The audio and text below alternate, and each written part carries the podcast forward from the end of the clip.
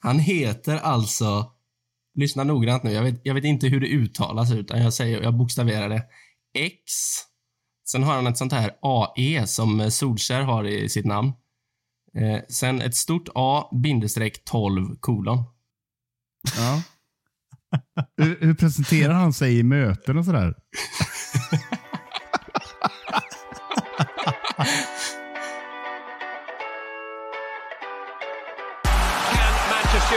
score? They always score. Rooney! Oh, wonderful! It's Berbatov! It's brilliant! Marcus Rashford! Oh,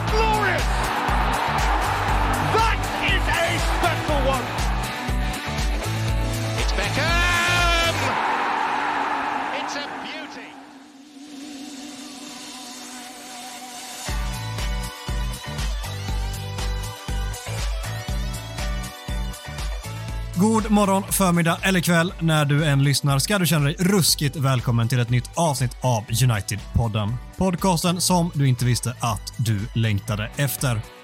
United-podden görs i ett stolt samarbete med både den officiella supportklubben MUS och United-redaktionen på Svenska fans. United-podden är tillbaka och det är ju alldeles för gött. Och på tal om gött, hur gött mår Mackan Eriksson? Jag mår gött. Jag mår gött och eh, är lite trött. Men eh, det ska man vara på måndagar, tänker jag. Så läget är bara gött. Att du var trött förkunnade du också två millisekunder innan vi klickade på räck här. Jävlar vad trött jag blev. Ja, men ni är så jävla sega med teknikstrul och vad ni håller på med. Jag är bara redo direkt från start. Alltså. Så då blir man lite Jag att du trött bara det. drar in och sveper båda över samma kam där. Ja, så får det vara. Micke Martinsson, då, du har suttit här med lite teknikstrul och så har du framförallt varit lite vresig idag i vår gemensamma poddchatt. Vad, vad är det frågan om? Nej, vad fan. Någon jävla måtta får det vara med den här lekstugan. Vad fan. Ibland måste man bara vara lite hetsig och Mackan har en trött måndag, jag har en hetsmåndag. Det är väl den största skillnaden. Jag blev, blev bara ännu, mer, ännu argare när jag hade strul med tekniken första gången någonsin. Alltså det, är- det är Gustav som står för 99,7 procent av allt teknikstrul i den här jävla podden. ja, Gustav fick ju kliva in där till slut och eh, ställa den raka frågan. Mikael Martinsson, hur mår du? Jag mår, jag mår faktiskt alldeles utmärkt, men eh, det är Gustav som inte tål mothugg eh, i chatten bara. Han vill alltid ha rätt. Det, vet ju de som lyssnar att det ligger till på det viset. Ja, det där är fan omöjlig. Men hur fan är läget själv då? Eh, nej, men det är väl bra. Jag har uh, ärlighetens namn varit extremt trött idag. Så jag har aldrig varit så trött som jag varit idag. Men sen fick jag se era vackra ansikten så sken jag upp som en sol plötsligt. Vilket jävla gäng. Jag har aldrig varit så trött som jag är idag. nej, men det, det är såklart en skarm. Jag har varit riktigt, riktigt sliten idag faktiskt. Eh, knappt gjort ett knop. Jag har liksom gått och handlat. Det, det är typ det. Det har varit en, en, tuff, eh, en tuff jobbhelg i, i ryggen som satte sina spår, uppenbarligen. Har du varit där och rört på vikterna på gymmet nu igen eller? Nej, Det fan, sånt testar inte jag på längre. Nej, nej, nej, nej. Inget sånt alls. Det är, alltså, träning, det håller jag inte på med just nu. Det, det kanske kommer i framtiden. Men eh, det, det har varit eh, alltså en helg som har gått i ett och jag, jag har haft jätteroligt, men det sätter sina spår eh, energimässigt. Det ska jag inte sticka under stol med. Ska, ska, jag, ska jag säga något riktigt gött så att vi får upp eh, humöret här nu? Hemskt gärna. Fan, jag gick eh, årets första golfrunda i lördags. Blev det någon albatross på albatross då? Nej, det blev det dessvärre icke. Det blev, eh, det blev en del dubbelbogis. Något, eh, något par här och där. Eh, och så sträcka jag några hål. Men det, det är sånt som man ska göra första, första rundan. Så det, det var bra. Allt var det risiga underlagets fel, eller? Ja, men 85 procent typ i alla fall. Jag är otroligt skicklig golfare annars. Ja, du brukar säga det. Men du, du som älskar att prata om din golf. Jag, jag kan ställa en fråga så du ska få eh, njuta i några sekunder här. Du lyfte ju upp din nya driver för ett tag sedan. här. Ge oss en uppdatering. Hur, hur bra smäller den till bollarna? Ja. Det, är- det är gåshud i hela kroppen när jag tänker på den. Alltså. Det, den är som en Rashford i högform. Den eh, presterar på varje tee och eh, får alla andra runt omkring att se lite, lite sämre ut. Så det är väl den bästa jämförelsen jag kan ge. tror 90% har stängt av redan. Vi, alla är trötta och Mackan snackar om sin golf som typ 1% tycker det är kul. Nej. Jag, jag, jag, tror, jag tror faktiskt att min golf är rätt uppskattad i den här podden. Det, eller inte i den här podden, men bland våra lyssnare i alla fall. Så då får man flika in lite uppdateringar. Det kommer en omröstning om det sen. Vi måste ta reda på fakta här, inte sitta och gissa, eller hur? Det kommer en omröstning. Hur många tycker det är kul att höra om Mackans golfäventyr? Som han kommer leja massa olika bottar för att svara på dem.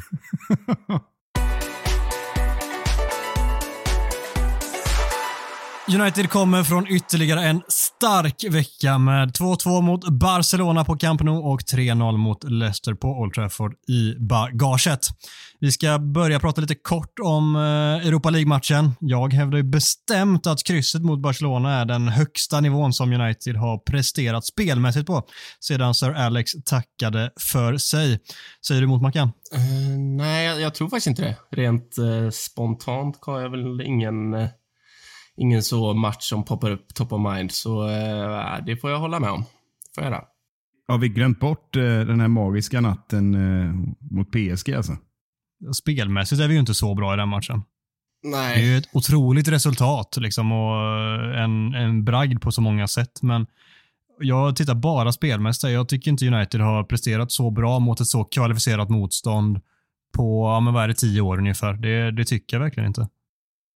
Alltså mot P den matchen mot PSG, jag tror Solskjaer skickar väl fortfarande julkort till eh, Buffon efter den insatsen han stod för. Det var ju liksom det var en maximal utdelning från i stort sett ingenting liksom. Så det, ja, de, det kan inte jämföras. handboll liksom.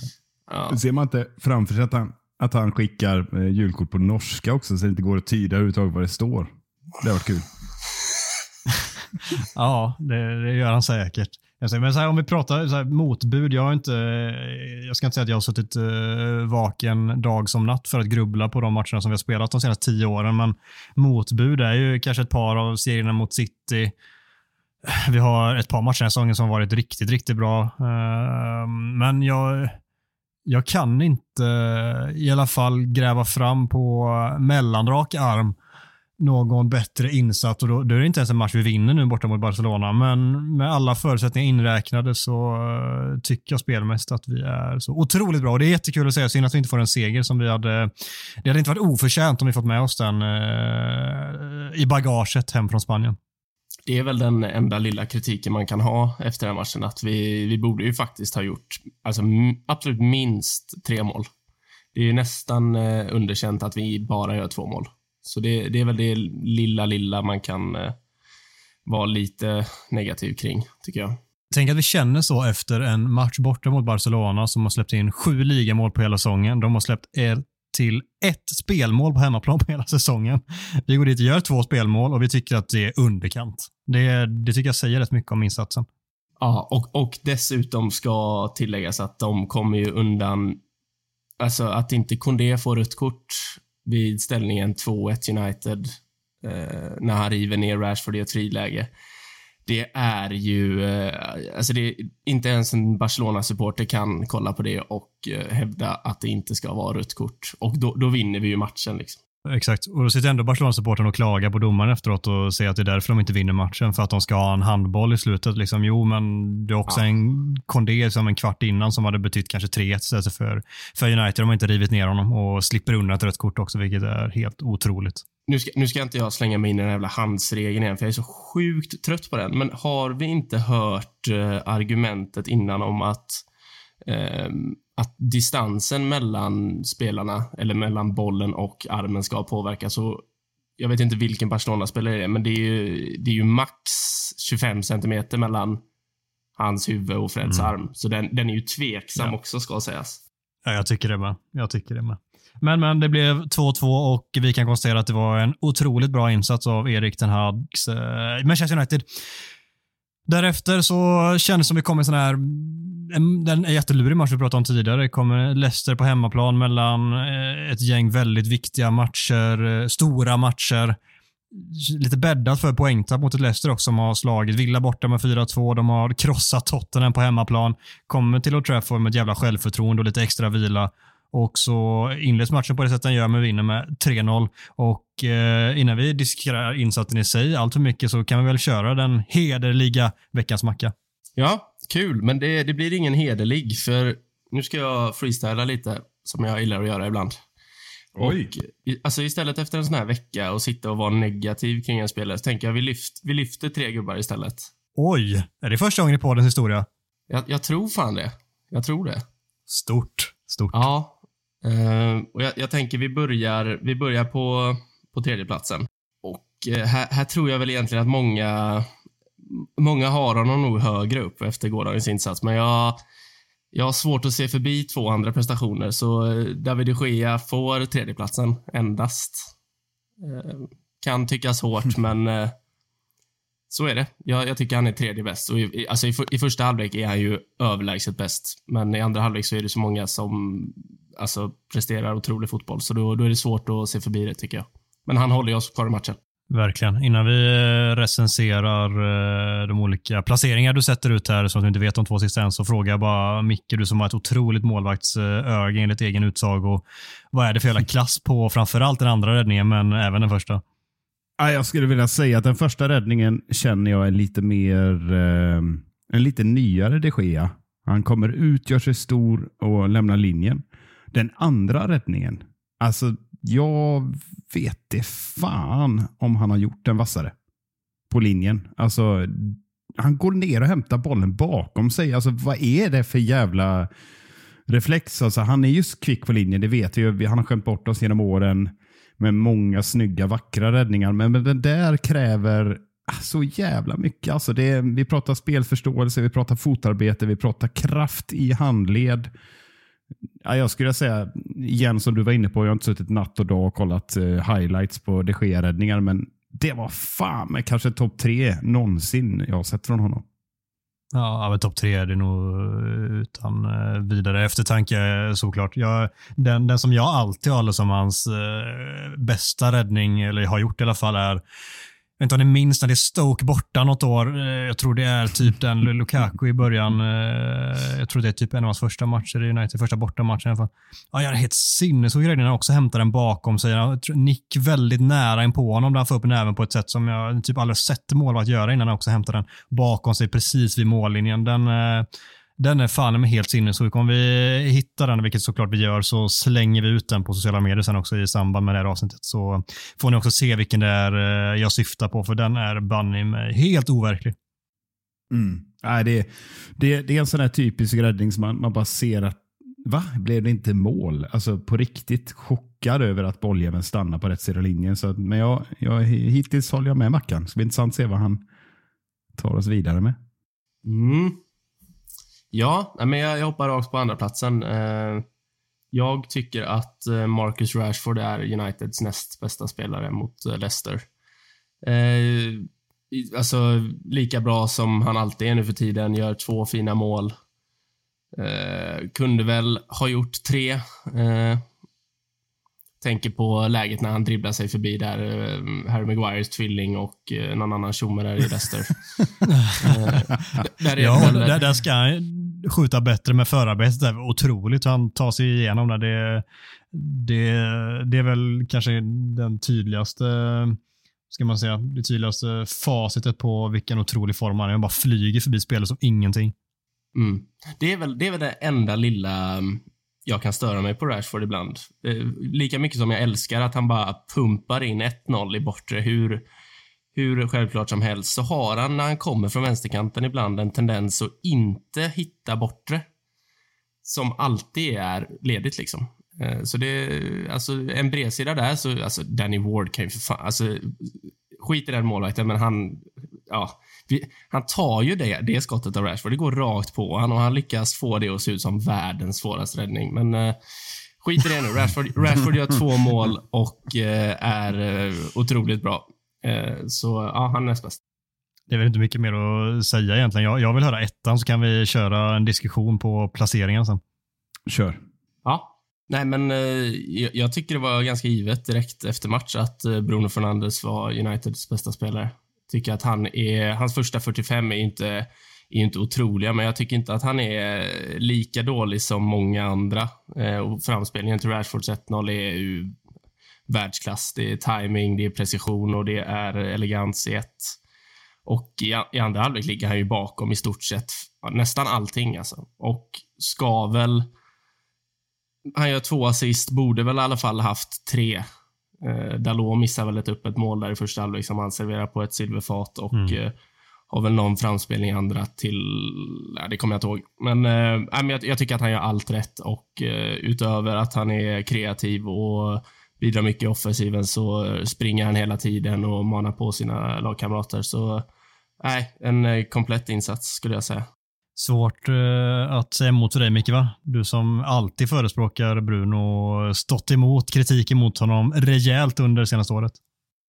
Ja, men det har jag väl. Men eh, fan, jag tycker det här var riktigt svårt. Jag, jag hade äran att få presentera betygen från svenska fans på den här matchen. Och eh, jag valde faktiskt att dela ut säsongens tredje sjua. Vi jobbar med en konstig skala 1 7 istället för traditionellt 1 10 som Muss kör eller 1 5 som alla andra i hela Sverige kör. Så eh, nej, men en sjua till Rashford blev det faktiskt och bara en sexa till Bruno. Ja, alltså det kanske är lite hårt, eh, för Bruno gör ju en fantastisk match och eh, ska säga att det är hans bästa match i sin helhet sedan den där första 18 månaders perioden. Han är på väg tillbaka till, till den nivån Eh, han behöver prestera så här lite grann över tid. han behöver göra två assist och spela fram till 1700 chanser.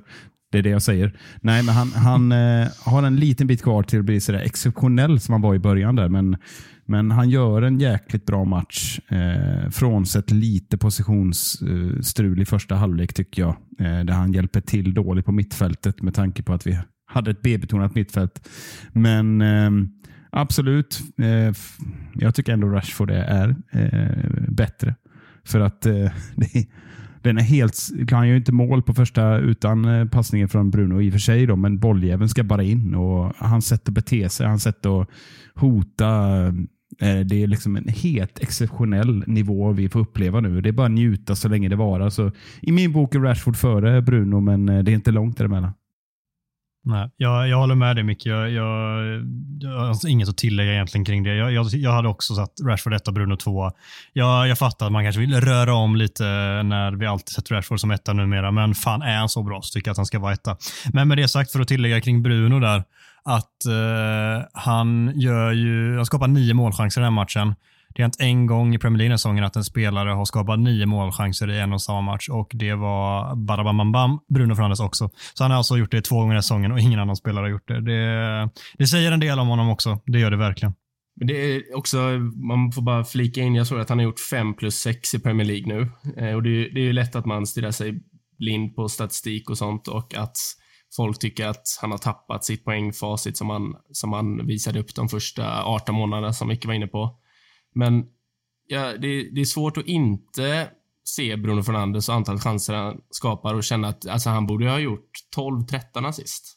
Och det, det, är nästan som att det glöms bort bara för att man stirrar sig blind på den här statistiken. Så ja, han är ju otroligt viktig för United. Det är, det är tråkigt att det är så många som inte förstår det. Verkligen.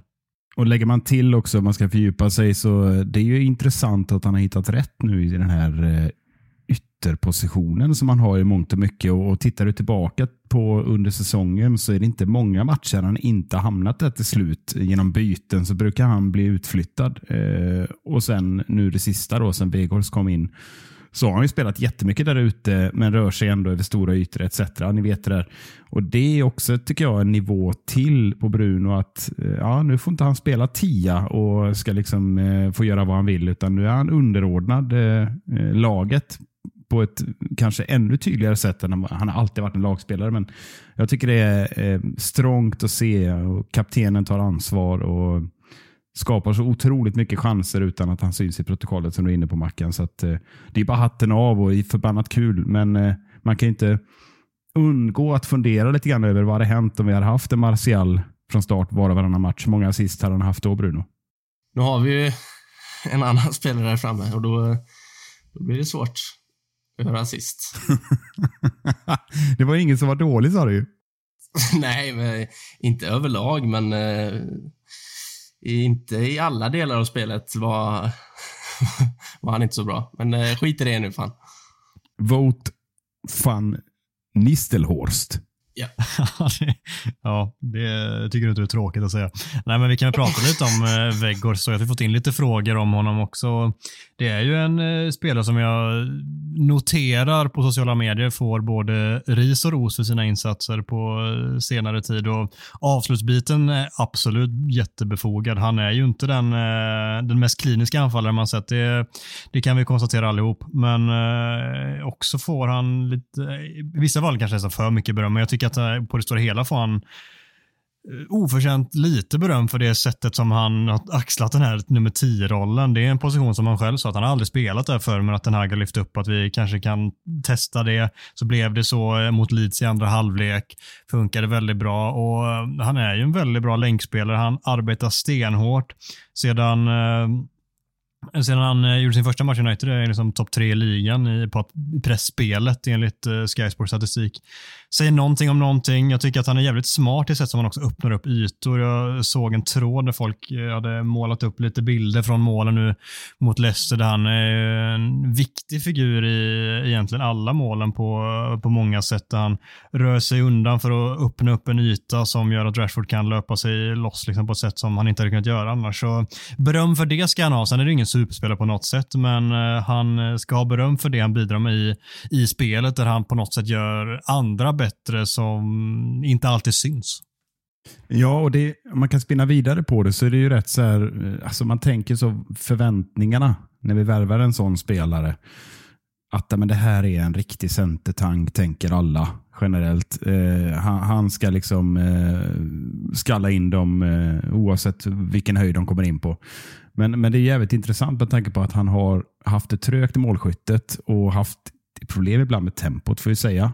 Han hänger inte med när eh, Rashford rycker sig fram och så ska han hinna med att få fram en tå. Det ser ut som det saknas tempo, men jag tror, jag tror samtidigt med den här återerövringen som han kör, pressspelet, eh, han har hittat rätt nu. Får han in en boll eller två, plus att det är fortfarande tidigt, det är inte många matcher han har spelat, så eh, tror jag att man kan få ut en växel till av Weghorst. Men, eh, men samtidigt så är det ju en begränsad spelare, ska vi ha klart för oss. Det är ju inte så att vi har värvat eh, en till Rashford eller en Mbappé. Utan det, vi har värvat Wout Weghorst och då blir, då blir det därefter. Han är nära sin maxnivå, men eh, ett mål eller två borde han kunna pilla in, tycker man. Micke brukar vara bra på att plocka upp såna här eh, tveksamma spaningar från Twitter som är ganska roliga. Men jag såg en eh, angående Weghorsts avslutsteknik. Han har, eh, han har en unik förmåga att eh, hamna på knäna eller rumpan varje gång han skjuter. Och det är ju alltså det är sjukt, det är ju sant. Det är, varje gång han skjuter så, alltså, jag vet inte hur det är möjligt riktigt, men det måste ju, alltså, det, då blir det väl fan svårt att få iväg ett avslut. Det ser ut som att han är helt ur balans varje gång han ska skjuta. Danny Welbeck var ju expert på det i United, att sätta sig på rumpan varje gång han sköt. Det gjorde han riktigt bra, men Vegos som du säger, han sätter sig både på rumpan och på knäna. Det är, det är riktigt imponerande. Men det, det, är väl lite så Peter Crouch, eh, han ska svinga med de här jävla benen liksom och sen eh, har han dessutom problem med i tempot att hinna fram så att han får alltid fläka sig. Det ser, ser ut som att det är liksom i sista sekunden varje gång han skyfflar iväg skiten. Men på tal om det, det finns en annan spelare som jag minns låg ner mer än stod upp och det var ju Fredrik Ljungberg. Han låg väl alltid ner efter ett avslut oavsett. Och, eh, han är, ligger ju ner i studion också i allmänt hus. jag visste att du Ja ja, fick du sagt det också. Det var ju skönt. Det finns mer ja, att ta av där. Det, det, ja, visst, visst. Men det, det, ska bli intressant att se, eller intressant ska det inte bli, men jag, jag tycker det är en jävligt smart nödlösning av Ten Hag, detta när vi har tappat en del spelare, Eriksen borta, Antoni borta, Antoni Martial borta, att uh, lösa det på det sättet. Men när Martial och Antoni förhoppningsvis är tillbaka inom kort så jag det är svårt att se att uh, han kommer fortsätta köra på med eh, den här eh, varianten på planen som är liksom ett första skede, men att det är ett alternativ som mycket väl funkar både att skifta till men också starta med i vissa matcher. Men en annan grej som vi plockade upp från Twitter, det var ett jävla fokus på Victor Lindelöf eh, märkte vi när vi slängde ut här inför, inför avsnittet och, och vi tycker väl att vi har pratat en hel del om Vigge och, och eh, Mackan var inte med och fick säga sitt då. När Gustav och jag hade olika åsikter på eh, påståendet om eh, alla parter mådde bäst att vi skulle skicka iväg Lindelöf. Jag tycker han borde vara kvar och han engagerade får man ju säga. Och jag vet inte vad ni tyckte om hans insats, men det var inte, var inte direkt så att han försämrade sina aktier med en rätt stabil insats. Förutom första kvarten då när det var en total hönsgård i försvaret. Men eh, han var ändå den som jag tyckte eh, gjorde det bäst defensivt i backlinjen. Ja, han var, han var bra. Jag, jag tycker att han, som du säger, han stärker sina aktier. Han verkligen. Och i det här skedet så ser jag att folk börjar prata om att han ska vara trea. Det var någon som skickade in och, alltså tredje valet bland mittbackarna och där är ju ändå inte, för mig är ju Martinez, varann och även Shaw före honom så sätt. Men till höger av båda mittbackarna som backup till varann så känns det ju tryggare, betydligt tryggare i dagsläget att spela Lindelöf än Maguire där. Och då eh, är det alltså fullgott alternativ såklart, men vi vet också vilka begränsningar han har i vissa matcher. Jag tycker det är fortfarande liksom mycket upp och ner där, men mot Leicester ska jag ha beröm. Det är en jättefin insats och funkade väldigt bra ihop med Lisandro Martinez. Det, det jag noterar mest från det här är, är hur han hanterade Iheanacho på ett eh, bekvämt och eh, lugnt sätt, men ändå aggressivt sätt. Alltså det var inte många dueller han, han förlorade och alltså jag vet, jag vet, inte hur mycket man kan väga in i det här, men hur mycket, liksom, mycket moral Tanaga har fått in i den här truppen. Alltså, Victor Lindelöf slänger sig in i tacklingar i minut 60 när vi leder med 2-3-0 och spelar aggressiv eh, fysisk fotboll som jag knappt aldrig har sett honom göra. Och angående det att han stärker sina aktier, jag tycker att han är helt given som, ehm, som tredje slash fjärde val. Att, eh, att folk har Maguire över honom 2023 är oförståeligt. Så, eh, nej. Men det går ju inte att ha det nu såklart. Nej, men alltså stärker sina aktier. Jag menar, vad behöver man göra för att stärka sina aktier när Maguire är konkurrenten liksom? Andas. jag tänker mest på att, alltså, att om man då ska skicka iväg honom och ta in något annat alternativ istället. Då, det är väl en annan diskussion beroende på vem det skulle vara och så vidare.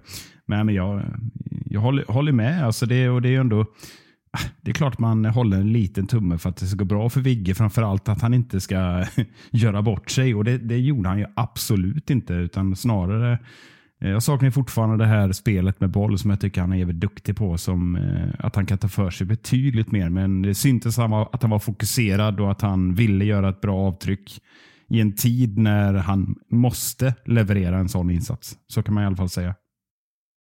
Han var påkopplad som folk gillar att slänga sig med. En, eh, en sista rak och viktig fråga till, eh, till Micke. Är vi i ett titelrace nu? Ja, jag tycker faktiskt det. Eh, och eh, det är flera andra som borde tycka det. För det var ett jävla vurmande för det här Arsenal. Alltså jag satt och ilsknade till rugg, ruggigt mycket. Och inte bara för att vi hade en diskussion, Mackan, eh, i, i vår WhatsApp-grupp. Men eh, Ja, jag vill fan lyfta upp det här lite nu för visst är Arsenal på allvar, det har vi noterat. Eh, snubblar sig fram och lyckas eh, återta serieledningen när man trodde att den skulle rasa ner fullständigt. Men jag tror inte raset är slut. Eh, men däremot det som borde vara upphöra omedelbart är att sitta och hålla på smårunka till Arsenal och tycka att det är lite nice att de är tillbaka på någon slags eh, nivå sen det var 300 år sedan det var sist. Alltså, bara för att Liverpool är urusla och City är mänskliga så äh, för mig är inte Arsenal ett jävla frikort som vi kan sitta här. Vad, vad kul. Eh, vad härligt att det går bra för dem. Det gör väl inget om de vinner.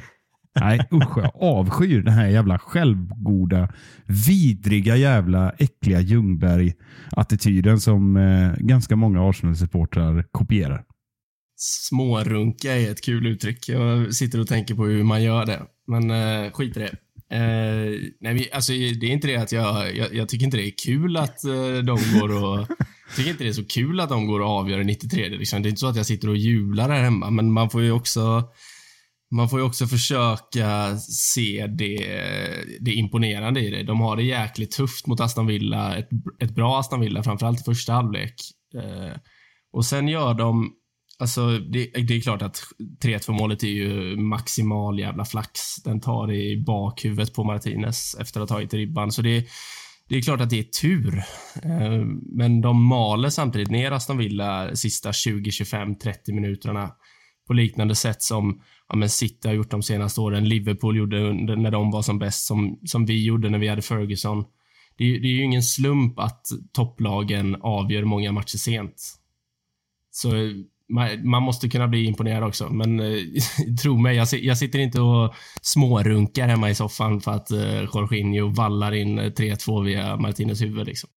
Nej, det hoppas jag verkligen inte, men jag tänker mest ur ett rivalitetsperspektiv. Alltså, eh, jag vet inte om du satt så här och, och, och liksom lite, lite lätt eh, vad fan ska man säga då, eh, objektivt analyserade Arsenal, eh, eller rättare sagt analyserade Liverpool när de äcklade sig fram och, och allt var så underbart. Då, då var du inte lika munter. Så det jag menar här är att Arsenal är en rival också. Eh, och eh, som svar på grund eh, på eh, frågan från dig eh, Adam, jag tror absolut United kan blandas i med tanke på just att, att eh, City inte är en gamla ångvält. Och att Arsenal bevisligen kan vackla till igen. Så att jag, jag tror inte någonting är klart där. Det, när det är matematiskt klart, då, då ger jag upp. Ja, det är väldigt många poäng kvar att spela om. Och United har ju det är ett bra tag kvar nu till nästa Premier League-match. Nästa match är ju faktiskt i ligan mot Liverpool bortaplan. Innan dess spelar Liverpool två matcher och Arsenal spelar två matcher de också. Uh, och Arsenal har bland annat sin, uh, sitt boogie-team numera då efter senaste insatsen mot dem. Everton på hemmaplan, det är ju garanterat poängtapp såklart. Så det, uh, det kan finnas en del poäng att hämta in där, absolut. Jag, jag tror att de fyra nästa omgångarna avgör om United är med på allvar eller inte. Vi har alltså Liverpool borta, sen har vi Southampton hemma och sen har vi både Brighton och Newcastle borta. Det är inga lätta matcher. Southampton, det är klart att man ska slå Southampton hemma, men den är inklämd lite dumt där om vi skulle gå vidare i Europa League och FA Cup och allt vad det är. Så det är en sån liten match man kan vara Alltså, man bör inte vara så nojig för den, men det, det, känns som en sån Palace borta. Liksom. Att fan, den är tuff ändå. Uh, så jag, jag, tror att om Eller så vi... blir det som Gustav skulle säga, en krampaktig 3-0. exakt. det är det bästa exakt. Gustav har sagt någonsin. Men, men jag satt och tänkte lite så inför Leicester, som vi sa också innan vi började snacka om den här matchen, att fan om United hade tappat poäng eller torskat mot Leicester, då hade Liverpool nästan kunnat vara i kapp om de, hade slå, om de slår oss då, vilket inte kommer hända givetvis. Men, så att jag känner så här att det finns ingen match som är rolig nu egentligen. Det finns inga lätta matcher utan nu gäller det bara att ja, ska vi vara med så får vi slå klabbet. Liksom. Känslan jag har är att City kommer ta det till slut och det är ju riktigt tråkigt. Men jag har bara den känslan. Tyvärr. Ja, den bor väl inom oss alla. Eller vad säger du Adam? Ja, det, det tror jag också. Det, men jag, är inte, jag, var, jag var helt bombsäker på när City slog Arsenal. Kändes som att nu var det liksom där de, deras säsong verkligen tog fart. De, jag tycker inte de har varit så dåliga som många har velat få det till. Men fortfarande inte på samma nivå som föregående år. Men det kändes som att nu kommer de ju bara liksom använda detta som en trampolin, den segern mot Arsenal. De bara studsar förbi dem till slut. Men så åker de och spelar 1-1 borta mot Nottingham. Haaland bränner upp ett mål vid 1-0 och plötsligt så har Arsenal dratt ifrån två poäng igen. Det, det gör att jag inte känner mig lika övertygad eh, om det som jag gjorde innan, men eh, jag lutar fortfarande åt att det blir City som löser Premier League-titeln till slut.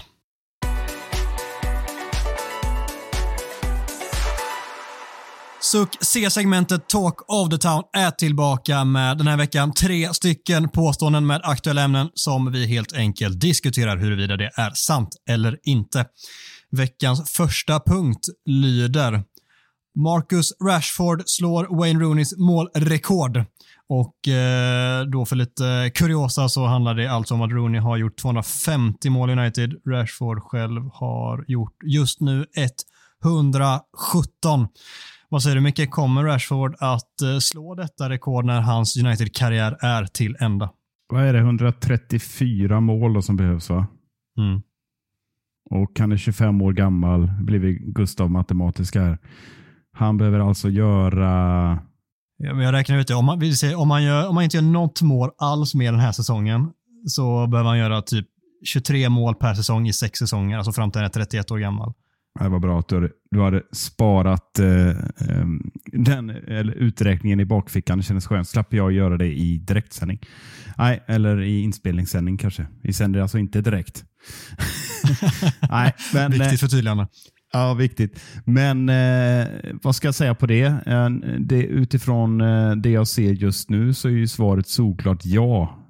Men någonting säger mig att det där gnetandet när du kommer upp eh, runt 30 och ska fortsätta leverera, kroppen ska hålla. Det är något helt exceptionellt Rooney gjorde. Så att jag säger faktiskt nej. Han kommer inte slå Rooney. För att du, du tänker att han inte orkar hålla i den målskörden så pass hög i, ja, men fram till då att han är eh, 32-33 år eller någonstans där. Över 30. Jag, bas, jag baserar det egentligen på att, eh, att det är väldigt många år eh, som han, eh, han var ju ung å andra sidan han kom fram, men eh, där han inte, kroppen inte hållit. Nu är han ju starkare än någonsin i och för sig, men, men eh, man glömmer bort att Rooney eh, var helt exceptionell över väldigt lång tid. Och det är inte bara att beställa, liksom, det är ingen maskin som beställer 25 eh, eh, mål per säsong. Men eh, jag tror att han stannar på 248. Får vi checka av det om tio år. Ja, jag är helt övertygad om att han löser det. Det enda som skulle kunna sätta stopp är givetvis brasklappen att han får en ordentlig skada. En så här karriärdödare av den sorten. Eller att han får för sig att han vill testa vingar någon annanstans innan han slår rekordet. Det, det är det enda som jag ser som att han kommer stoppa det. Och det baserar på att jag tror att han är så pass eh, att han kommer vara så kontinuerlig nu i, sitt, eh, i sin målskörd där han gör 20 till 25 mål minst per, minst per säsong i liksom 6, 7, 8 år kanske till. Och då, då slår han det. Men det är, det är som sagt brasklapparna ska med där, att han inte ska lämna och det ska inte vara någon riktigt tung skada. Annars är jag helt säker på att han löser det. Jag, är, jag är skeptisk. eh, Jag vet inte riktigt vart jag står i den här frågan, men eh, fan, kring Rooney här, är det inte 2-5-3 mål han har gjort? Eh, kanske. Ja, det var bara någonting. Det är någon siffra som har fastnat med mig. Men skit i det. Eh, 117 mål. Alltså det, det som krävs är ju att han, som ni har varit inne på, dels håller uppe den fysiska nivån och dels har hittat en nivå där man kan vara bekväm att han i alla fall gör 20 mål varje säsong och det är ju så jävla mycket lättare sagt än gjort. Med det sagt så jag får en känsla av att han börjar hitta det där nu och att han kan göra mål på så många olika sätt. Det är, väl, det är väl mest det som jag tycker att han har förbättrat den här säsongen. Det är mål på huvudet, det är mål med vänstern, det är mål med högen. Det är mål när han går i djupet, det är mål när han viker inåt från en kant, det är um, tap-ins, det är allt möjligt. Så uh, jag, jag tror på det. Jag, jag tror han löser det. Jag tror att han har två, tre säsonger där det blir 35 baljer och då, eh, då krävs det inte att han ska nå upp i 23-24 mål varje säsong, utan det kan bli lite mindre någon säsong. Så nej, han löser det. 252 har Rooney gjort om vi ska vara helt 252. exakta. Viktigt att få med såklart. I Premier League. Nej. Nej. Nej, 250, 258, fan det är mycket faktakoll här. Är det inte 258 mål? Vad i helvete? Det kan det inte vara. Vi... Uniteds hemsida står det att han gjorde det. Men eh, vad fan. Nu eh, sätter de ihop pottkanten här, Mikael Martinsson. Otrolig podd. Det är det bästa segmentet vi någonsin haft. 253 mål. Vi har alltså tre olika bud. 252 här. Det kanske är något sånt, eh, sånt eh, självmål som, eh, som man lite godtyckligt här eh, har gett Rooney. Ja, det är Skit i det. oklart. Skit i det. Skitsamma. Ja. Något mål hit och dit. 250-ish.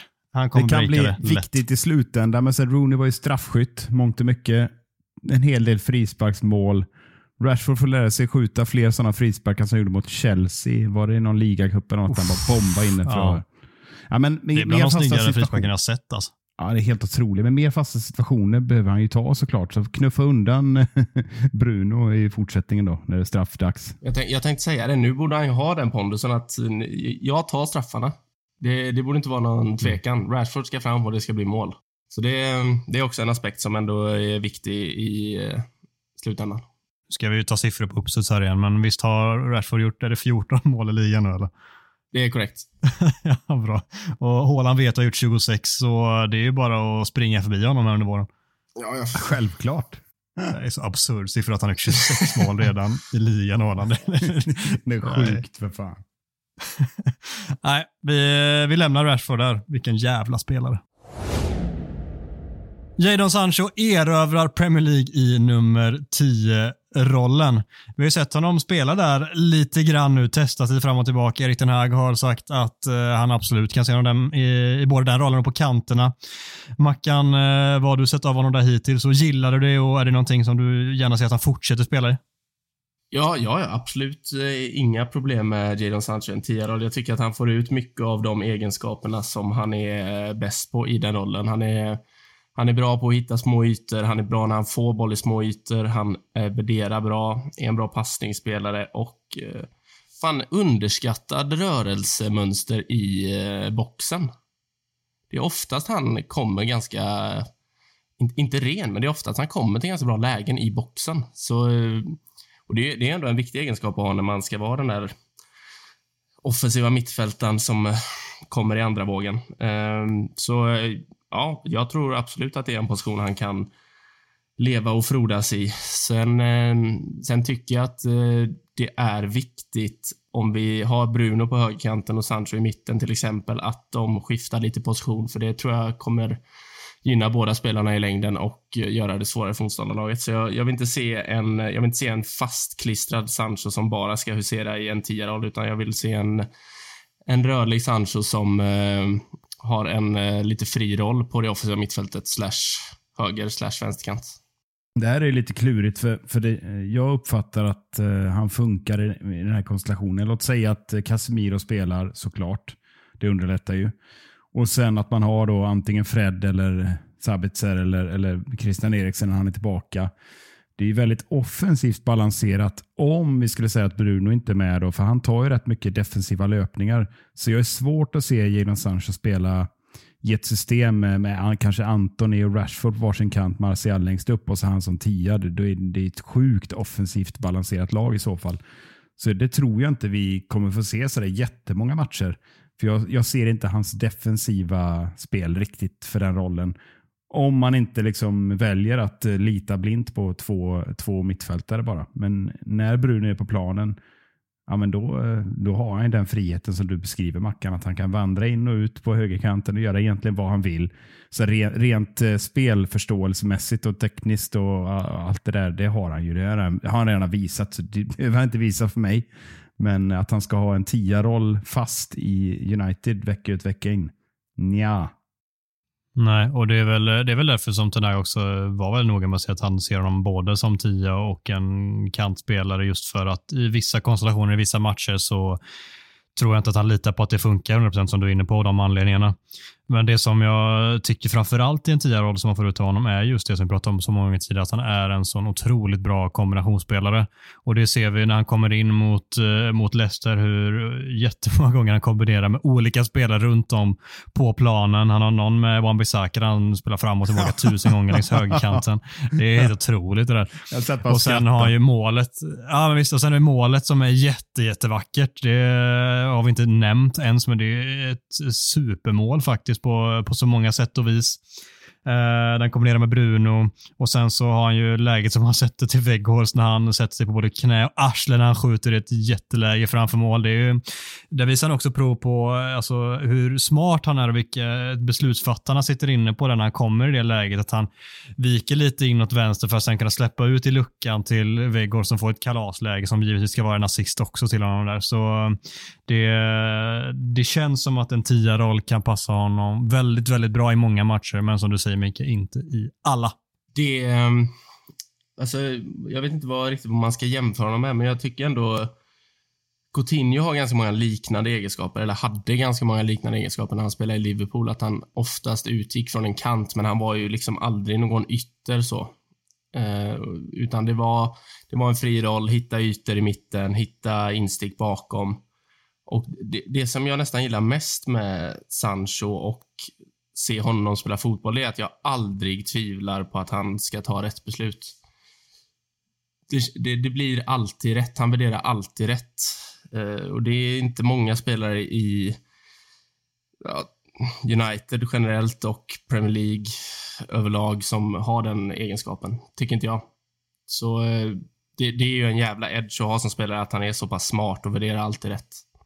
Alltså det, är, det är få som har det kortpassningsspelet i sig. Det här, de här små tre meters insticken. Alltså det kanske ser lätt ut för, för ett eh, otränat öga, men det är så otroligt svårt när Rashford kommer i någon dia diagonallöpning i 200 blås. Släpper bollen perfekt. Alltså just de här små, eh, som du säger, kombinationsspelet. Det, det, han är nästan lite unik. Där. Det är klart det finns spelare som klarar det. Många spelare i City har ju det spelet i sig också. Men, men eh, jag tror också att det har bara börjat. Jadon har bara börjat sätta sin prägel. För kan, när spelarna runt honom lär sig och han får styra, hålla i taktpinnen ännu mer, ja, men då kommer det bara bli fler sådana här mål som han och Bruno kokar ihop. Liksom. Det, det, det är bara att hoppas att det fortsätter på det här sättet för eh, det, kapaciteten har han ju att nå ja, Dortmund-nivån i Premier League, om, om ni förstår vad jag menar. Liksom att vara så dominant även i Premier League. Det, det har han ju. Absolut har han det i sig och ytterligare en aspekt som jag tycker är så jäkla hög nivå i hans spel. Eh, som du säger, han, pass, alltså han har, tar alltid rätt beslut och han är så otroligt bra på de insikterna, men han är också samtidigt så sjukt bra på att dölja dem att de ska komma. Folk, eh, det, ser inte ut som att han ens har noterat att det kommer en löpning och så trillar han lite med bollen och helt plötsligt har han gjort en så här så pillar han där med yttersidan emellan och så har ingen fattat någonting att han ens har uppmärksammat att den löpningen kommer. Det tycker jag är jätte, jättehög klass på hans spel och sjukt eh, imponerande att se. Får jag, får jag bara säga en sak? Jag, jag, vill inte fortsätta smårunkandet som Micke hade kallat det kring eh, Sancho allt för länge, men också det här som Adam, som du var inne på förra veckan, där, att han alltid drar på sig så många spelare. Jag tycker vi ser det igår när han kommer in också. Det är nästan alltid minst två spelare runt om honom. Och Det är det vi sa med Vegårst också, att han kanske gör spelare bättre runt omkring sig för att han gör smarta löpningar, för att han pressar, för att han gör det, för att han gör det. Sancho gör ju så många bra spelare, eller gör så många spelare bättre runt omkring sig bara av att vara på planen i många fall. Det är bara att han behöver löpningar runt omkring sig. Så det är, nej, det är så gött att se att han kommer in med den kvaliteten efter eh, de tuffa månaderna. Det är kul. Ja, och det, det, låter ju som att vi hyllar honom som bäst i världen just nu, men han, ja, alltså det, han förtjänar mycket, mycket beröm just nu. Ytterligare en grej till det som du säger Mackan också, att han gör det också väldigt medvetet när han drar på sig spelare. Han, eh, det är som att han väntar in liksom tre pers innan han chippar den mellan två spelare och så kommer en eh, liksom Shaw eller Rashford eller vem som helst bara flygandes där i den, i den luckan. Det är, det är sjukt smart spelare att göra de här och hoppas att han kan bara flyga vidare även härifrån. Kobi Mainu blir nästa spelare från egna leden att slå igenom och Eh, det här påståendet kom ju såklart i kölvattnet av att han fick göra sin Premier League-debut mot eh, Leicester. Han har tidigare gjort eh, debut i ligacupen för seniorlaget. Eh, och han har nyligen också skrivit ett långtidskontrakt med klubben, vilket också är en extra edge till diskussionen. Eh, jag tänker att Mackan ska få börja prata lite här, för jag vet att Micke sitter här och vill tugga igång, men han ska få eh, hålla oss på hals lite grann. Jag, jag är faktiskt med Micke i mycket kring, eh, kring hans tankar om, om, om unga spelare som kommer upp i United och det ska det ska direkt börja pumpas lovord och de ska in i startelvan hit och dit och eh, det målas upp förväntningar som eh, 95% av spelarna aldrig kommer leva upp till.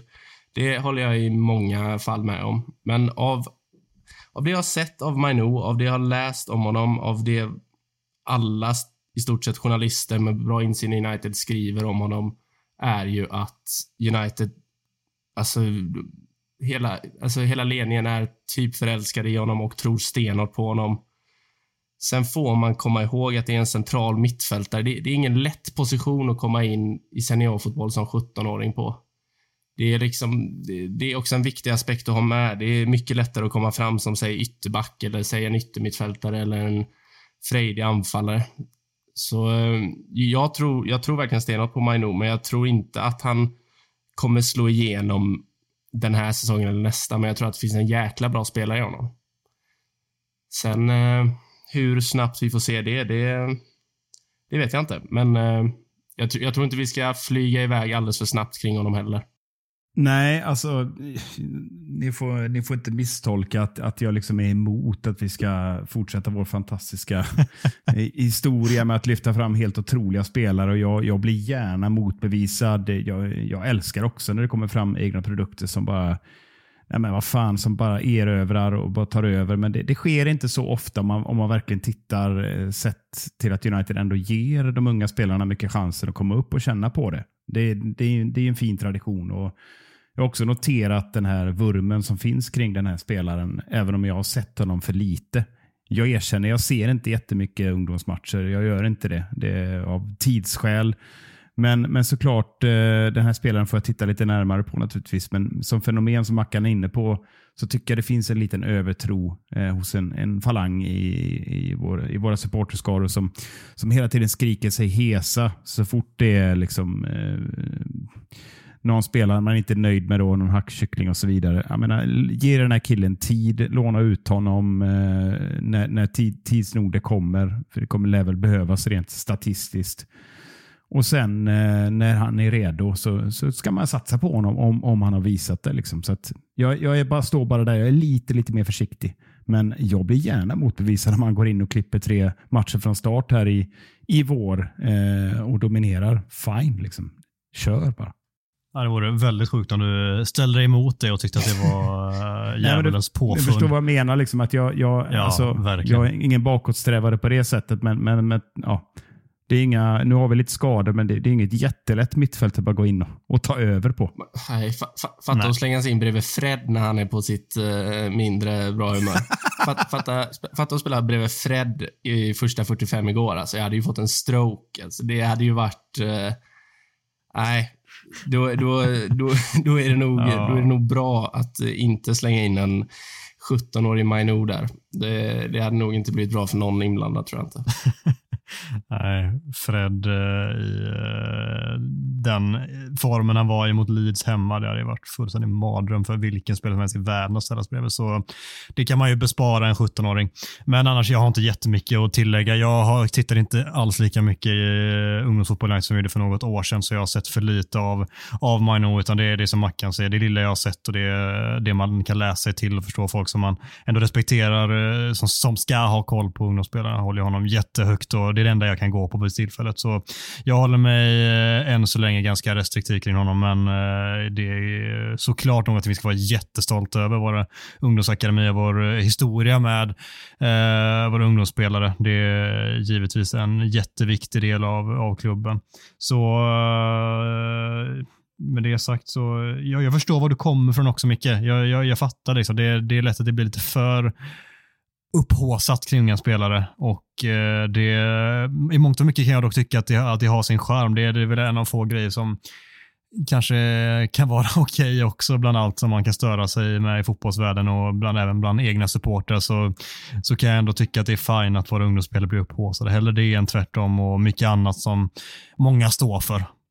Vad svarar vi egentligen på påståendet här då? Eh, nästa spelare att slå igenom det beror på om man tycker att Garnacho har slagit igenom än. Annars så känns jag solklar som den som gör det.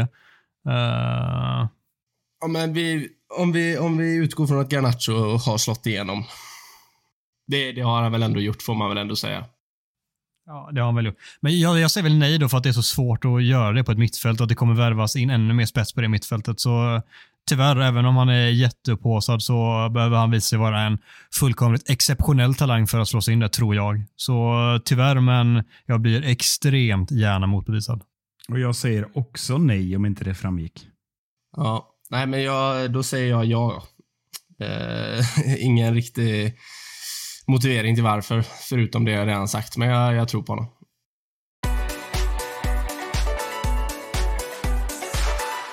Härnäst väntar två av säsongens allra hetaste matcher. Först väntar Barcelona i returen på Old Trafford på torsdag och sen en chans för Erik Ten Hag att ta sin första titel i United och Uniteds första sedan EL-titeln 2017 när Newcastle väntar i ligacupfinalen. Och därmed har vi två schyssta motståndarkollar framför oss signerade Micke Martinsson. Ja, nej men om vi börjar med Barcelona såklart och i kronologisk ordning så ska vi undvika att eh, det blir dagens eko kvart i fem här. Att jag sitter och rapar upp en massa fakta som vår fina Gugge drog här förra veckan.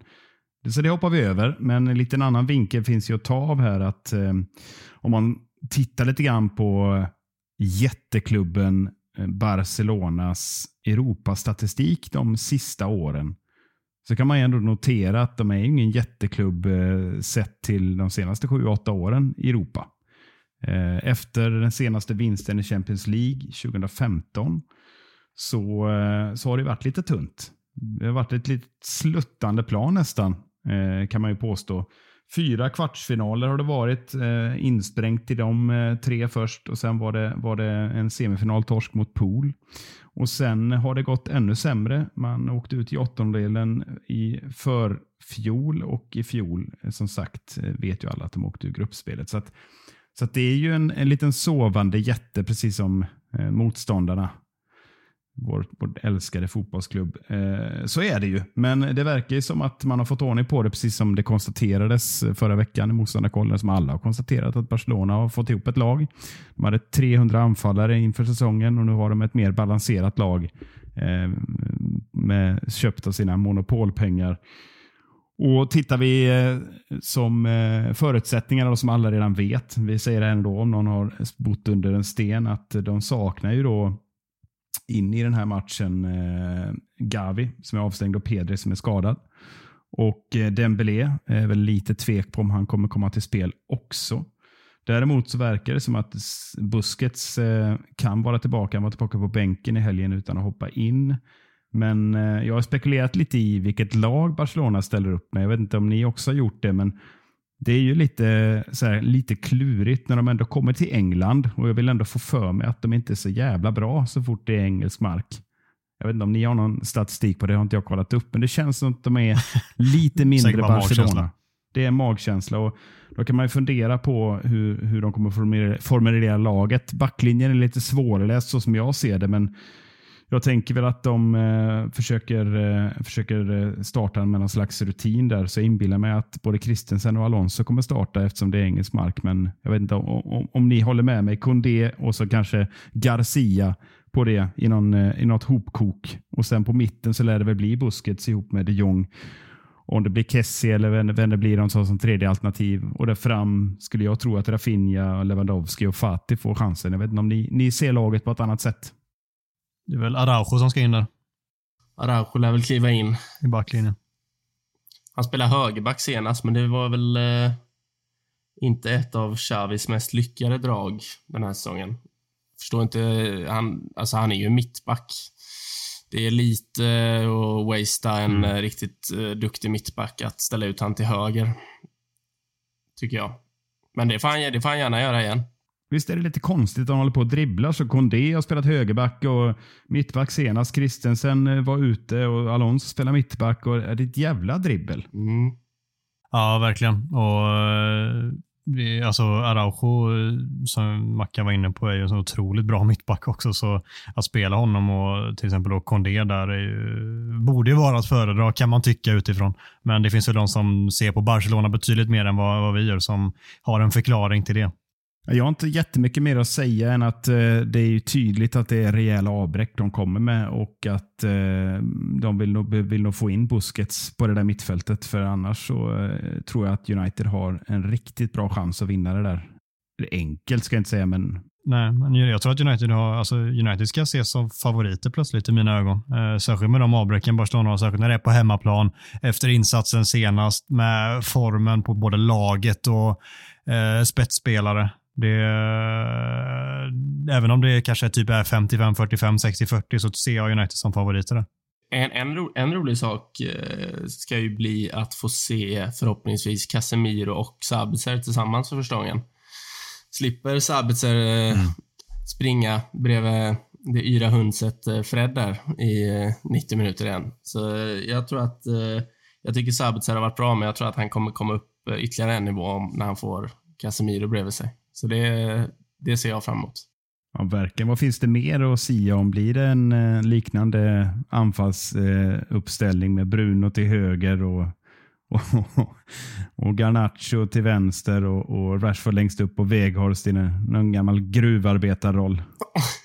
Jag, jag, tror, jag, tror, jag tror att Weghorst kan eh, få behålla sin plats eh, som...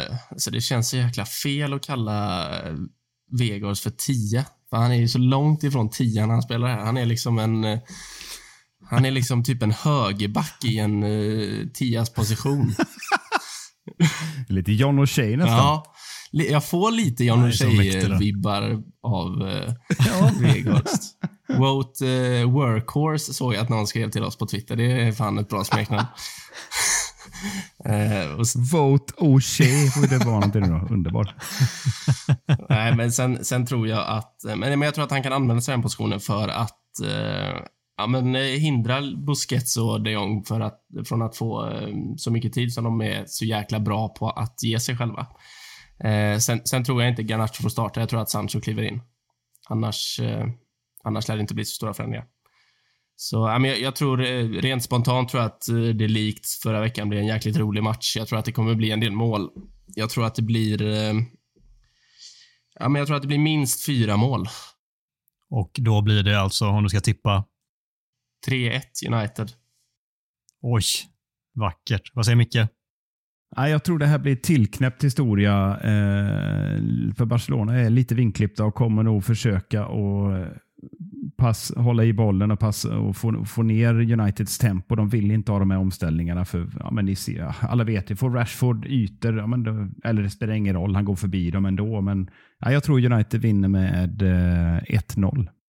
Mm, då säger jag 2-1 och så är vi alla eniga om att United går vidare plötsligt.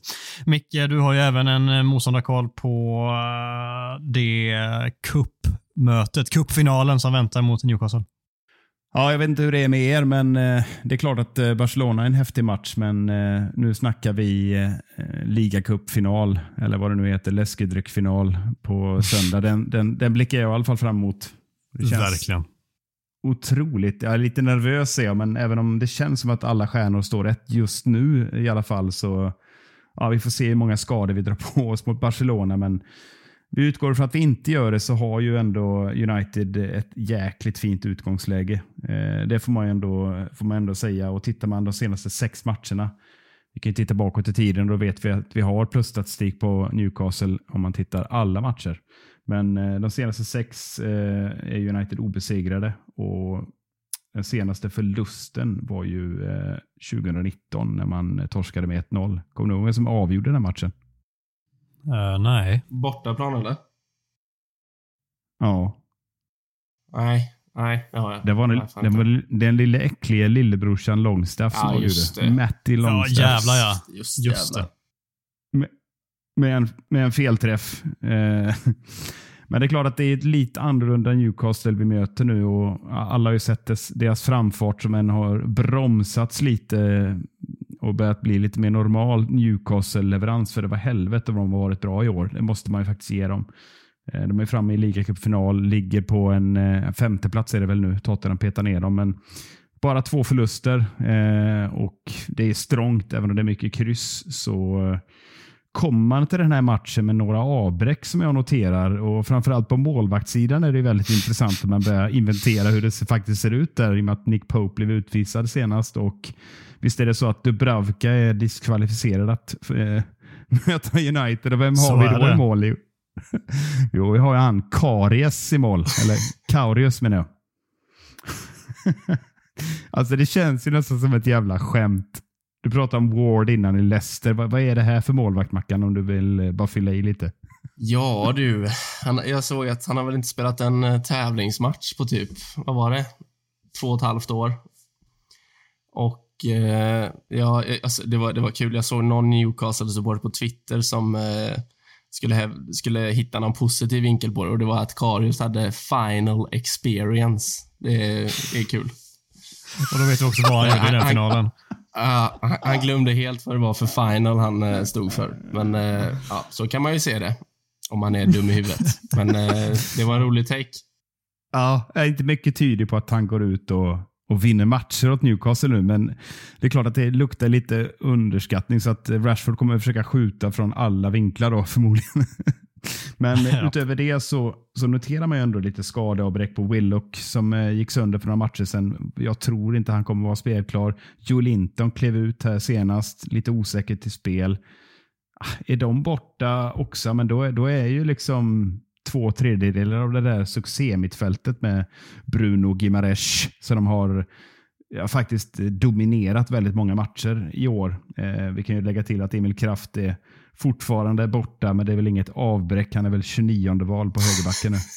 Så att, eh, ja, men sett till att Newcastle ändå har haft det där lite som Arsenal. Samma lag vecka ut vecka in. Bytt ut lite, lite på topp bara.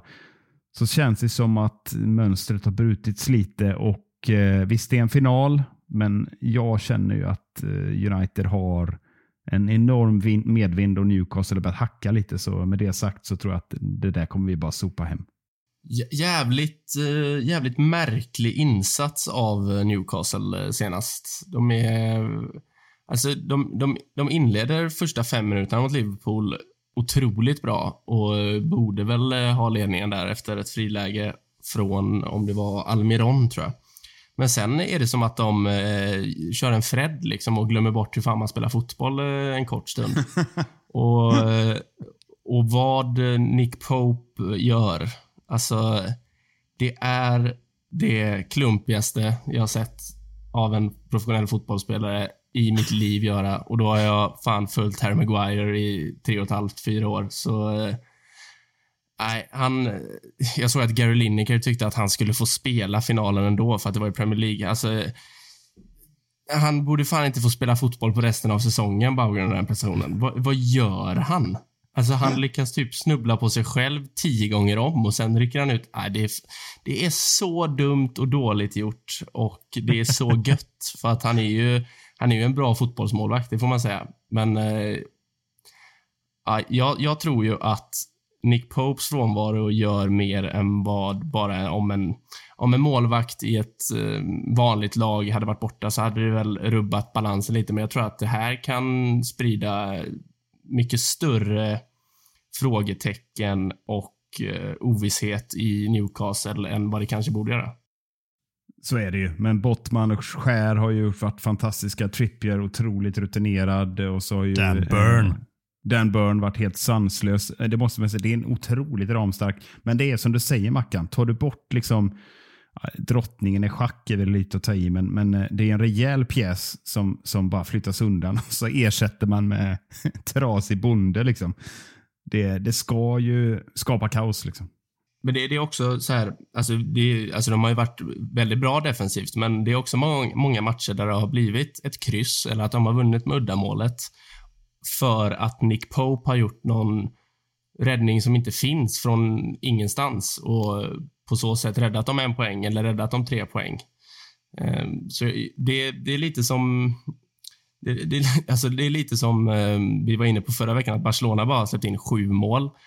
Men när, när man såg den matchen mot United, nu, nu vet jag att de inte möter eh, storlag som United varje vecka i La Liga, men att, alltså utan Ter Stegen så hade inte Barcelona släppt in sju mål.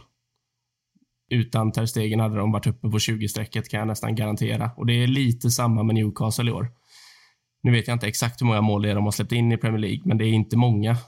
Men utan Nick Pope så hade de släppt in, jag vill inte säga det dubbla, men det hade varit bra mycket högre siffra än vad, det är. Så ja, det är ett jätteavbräck för dem. Och det är jättekul att det är så. Så är det verkligen. Och eh, vad, vad är det vi ska se upp med då? De, de har ju såklart många, många spelare som alltså Bruno Gimares som vi nämnde, vi har Almiron och Wilson och en Isak där som inte har kommit igång så bra efter skadan, men vi vet vad det finns att hämta där. De har ju en del eh, riktigt eh, obehagliga spelare att ställas mot och sen har vi ju alltså, luftrummet som vi pratar med den backlinjen. Det är också obehagligt mot eh, Uniteds tämligen eh, korta lag också. Där, eh, där känns det nästan som att jag är mest orolig på förhand. Ja, har man varit, eh, om man tittar på Newcastle, alltså det jag är mest orolig för är ju Trippier med liggande boll. Frisparkar, Mm. hörner, in, inläggsfrisparkar. Han är ju ett ruggigt vapen där. Jag skulle säga att om inte bäst så ja, uppe där, eh, topp tre i hela ligan på det där. Så han är ju hotet, eh, för han servar, ju- servar ju de här bjässarna. Och sen Callum Wilson tycker jag är en väldigt obehaglig spelare som eh, egentligen, jag känner mig aldrig riktigt trygg när han, eh, när han kommer eh, i, i liksom på rulle på något sätt. Eh, så, så de två tillsammans med Bruno Gimenez som, är, som har varit helt otrolig, det, det, är min, det är de jag är mest rädd för. Men nu när, vi, nu när de inte har någon vettig målvakt så, så, så känns det som att gö, vi kommer ju göra mål, men eh, släppa in då, det är väl det. Jag vet inte vad ni säger. Risken där. Nej, men det... Ja, alltså... Jag vet inte, jag tycker att det är ett konstigt lag offensivt. Så de har gjort en del mål, men jag har nästan aldrig sett dem spela riktigt bra fotboll offensivt. Det är, en, alltså det är några matcher i år. Det är till exempel mot City där det blev blev det 3-3, eller vad blev Mm. det? Mm. i början av säsongen. Då, då, var det, då var det fröjdigt, det gick snabbt. Det var Maximan som fintade av hela jorden och det var löpningar hit och löpningar dit. Men eh, sen dess har det varit ganska... Alltså, jag har ändå sett en del. Det har varit ganska trögt i många matcher. Eh, sen är det som du är inne på, Callum Wilson. Alltså, otroligt eh, medioker fotbollsspelare, men jag är alltid livrädd för honom när United möter honom. Jävla buffel bara. Så ja, obehaglig anfallare. Så jag, men jag är med dig på Trippier. Det är väl han man ser som det största hotet. Och sen eh, ja, fasta situationer rent generellt. De är, de är farligare. Mm. Vi ska snart stänga butiken, men Micke, hur, hur viktigt har det varit att få en titel här nu? Det, det är många år sedan och det hade gett eh, en jävla viktig och skön grund för Ten Hag att bygga vidare på. Det är en sån här fråga som egentligen alla vet svaret på, men, men jag skulle säga att alla vet inte svaret. Det är otroligt viktigt skulle jag säga. Jag skulle säga att det, det är en skillnad på hur säsongen kommer definieras, eh, givetvis, eh, när man summerar den. Men jag tror också energin i laget det skulle bli sån enorm boost att bara känna att vi är tillbaka. Det är skitkuppen, ligacupen, ja, ja. Men jag skulle säga att det, det, är bland, det är bland de viktigaste matchen som vi spelade sen, eh, sen Sir Alex klev åt sidan. Det, det här är, det är chansen, eh, möjligheten för Ten Hag att verkligen ta första steget mot, mot den där resan som vi alla hoppas på. Och då ska du tvingas tippa också. Löser vi detta och i så fall hur? Jag tror vi löser detta, men det blir, det blir en tuff jävla holmgång tror jag. Jag skulle inte bli förvånad om det, går till eh, förlängning. För visst är det förlängning va? Och straffar sen. Ja, Jag, jag, jag säger det att det, matchen går till förlängning och United vinner faktiskt i förlängning. Jag, ska- jag, jag tror det blir tufft. Vad säger Mackan så tar jag sista ordet sen som vanligt. Mm. Ska försöka värpa fram någon eh, guggig analys här. eh, jag tror att det blir en stensäker 1-0-seger. Ja, det, det känns jävligt skönt att höra. Eh, jag tror också att det blir målsnålt. Det, det känns som att det är upplagt för det mot ett Newcastle och ett United som blir, tror jag, lite tagna av stundens allvar. Även om vi har så många starka personligheter med många som har mycket erfarenhet av den här typen av matcher så tror jag även de inser hur, hur pass viktigt och vad, vad det hade gjort att få en en titel här, så jag tror att det kommer vara lite krampaktigt från United. Att Newcastle kommer se det ännu mer som eh, att de har allt att vinna än vad, vad United ser det som. Och eh, det kommer kännas så under nästan hela första halvleken. Sen gör Ten Hag någon tweak i paus. Det kommer kännas bättre. Vi lyckas till slut göra 1-0 och sen så kontrar vi in 2-0 också när Newcastle trycker på och matar in bollar via Trippier. Så, så blir det 2-0 till slut och eh, vi får den där ruskigt sköna titeln. Underbart scenario. Med det sagt så vi har ju lovat oss själva att vi också skulle nämna lite kort också om att det har ju faktiskt hänt en del med ägarfrågan. Vi ska inte ta ett större grepp om det idag. Vi beslutar oss för att vi väntar med det och eh, pratar eh, ännu mer djupt och gediget eh, lite längre fram. Men vi får väl uppdatera lite kortare. Alla har väl koll på det, men att vi ändå nämner att vi har noterat det, att det har kommit in en hel del bud och att eh, det känns väl som att eh, Qatar är favoriter mycket framför Jim Ratcliffe och övriga intressenter. Ja, det verkar ju som inte annat som Gustav eh, var inne på att eh, om man tittar på fanbasen i England så skiter man ju fullständigt i vem det är som tar över. Bara det blir gött med deg så vi kan köpa fler Casemiros. Men alltså, vi, jag tror vi har gjort klart i den här podden vad, vad vi tycker om det här. Men, men det är lite pest eller kolera och som vi snackade om innan eh, i vår lilla chatt innan vi körde igång här. Alltså att man vet ju inte allt än. Utan eh, jag har i alla fall inte läst så pass djupt. Så att jag eh, har svårt egentligen att överblicka just nu vad det kommer att innebära om, eh, om Qatar-gänget tar över eller om det blir Ratcliffe eller om det blir något amerikanskt konsortium som pumpar in pengar till, till Glazers så de får fortsätta eller om det finns något ytterligare alternativ att uh, istället för att köpa månen så köper Elon Musk United. Så att, ja, jag vet inte. Det, det är som upplagt för att det här kommer bli en... månen. En, det känns som att inte det sannolikt då? Jo. Jo. Och så hade, vi, hade, vi hade Trump som sa, ville köpa Grönland och hålla på. Och Danmark bara nej för helvete.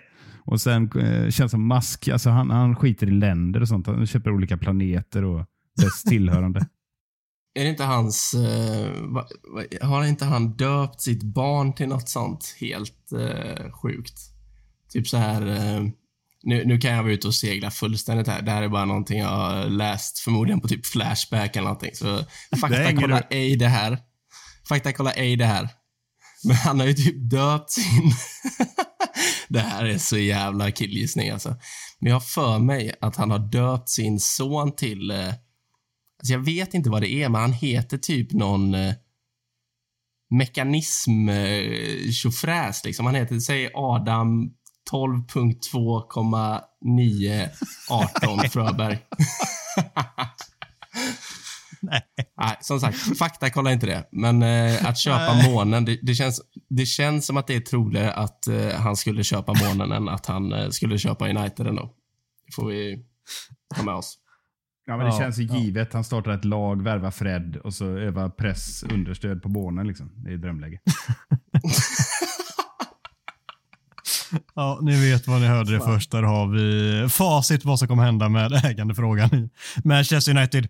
Vi väljer att avsluta där. Men dapp, dapp, dapp, eh, innan vi avslutar, jag ska...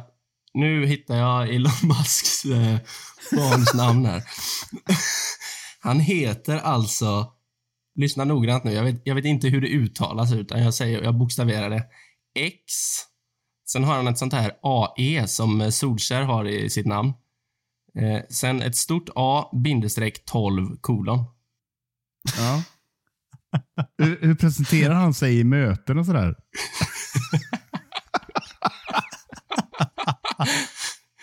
Vi döper avsnittsnamnet till det så får ni se det framför er. Ja. Ja, Briljant.